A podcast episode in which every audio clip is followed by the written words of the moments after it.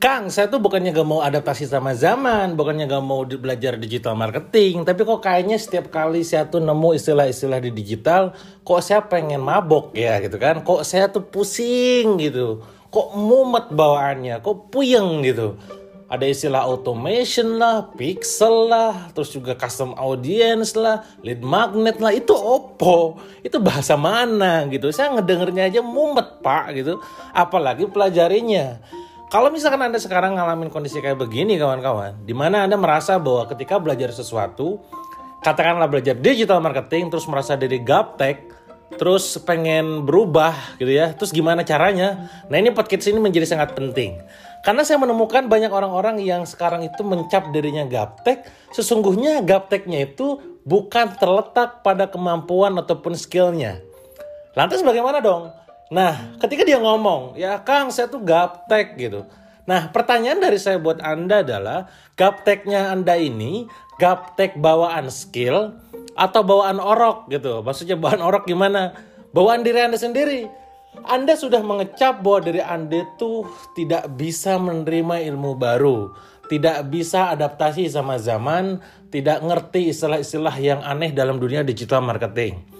Kalau masalahnya adalah masalah kayak skill ataupun kemampuan, maka Anda datang ke sebuah workshop, Anda ikutan online course, semuanya bisa selesai dengan mudah.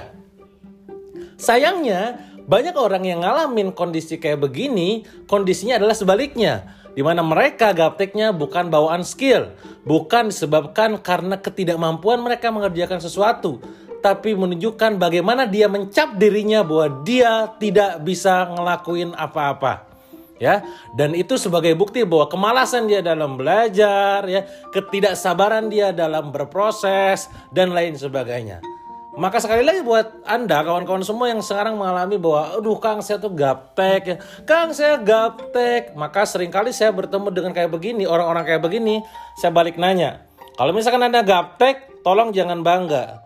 Maksudnya kang? Ya udah jangan bangga gitu. Udah tuh gaptek kok ngomong? Gitu Andanya harusnya belajar, Andanya harusnya belajar, berubah, open mind ya gitu kan.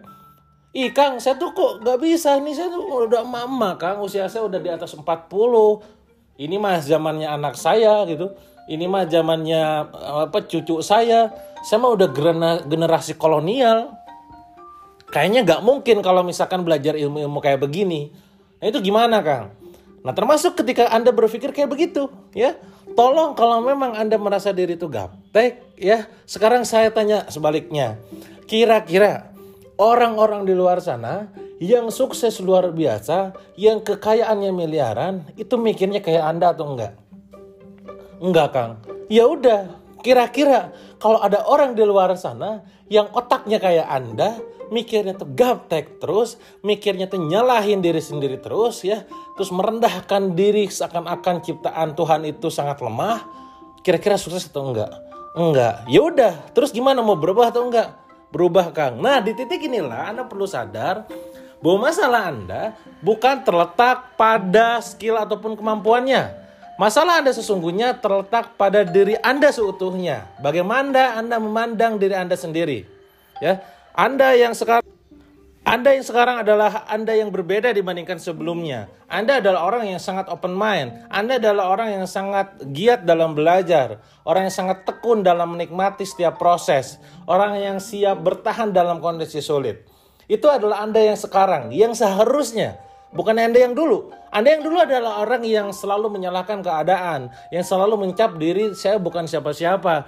Yang selalu merasa bahwa diri, aduh aku mah udah kolonial, aku mah gak ngerti dan segala macamnya. Kalau Anda pengen sukses, maka sekali lagi yang harus pertama kali diubah adalah tentang diri Andanya terlebih dahulu, bukan tentang skill ataupun kemampuannya.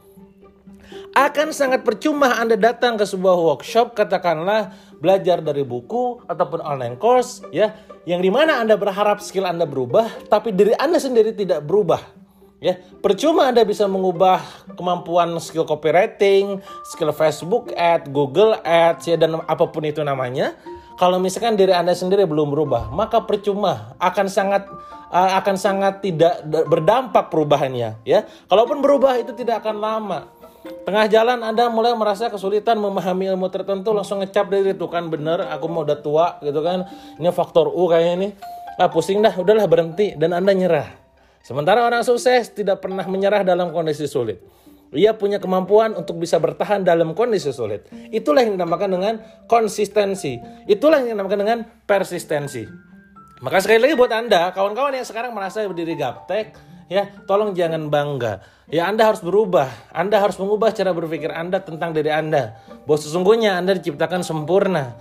Anda adalah orang hebat. Begitu pula ketika Anda ngomong bahwa saya gagal Kang, saya tuh gak bakat bisnis, saya tuh pusing dengan kondisi kayak begini. Ingat, yang gagal bukan diri Anda. Sekali lagi, yang gagal bukan diri Anda ketika Anda ngomong saya gagal. Yang gagal adalah rencana Anda. Apa jadinya jika Anda berkata bahwa saya gagal, itu adalah sayanya yang gagal, artinya Anda merendahkan ciptaan Tuhan. Sementara Allah berfirman, "Laqad khalaqnal insana fi ahsani taqwim." Bahwa sungguhnya kami menciptakan manusia dalam sebaik-baiknya bentuk. Ketika Anda ngomong bahwa saya gagal, saya gaptek, secara tidak langsung Anda sedang mencap bahwa ciptaan Tuhan adalah gagal dan ciptaan Tuhan adalah gaptek. Ingat, kita dilahirkan sempurna. Apa pun kondisinya, apa pun situasinya, apa pun kesulitannya, insya Allah selama kita pede, percaya diri, percaya dia, kita pasti bisa.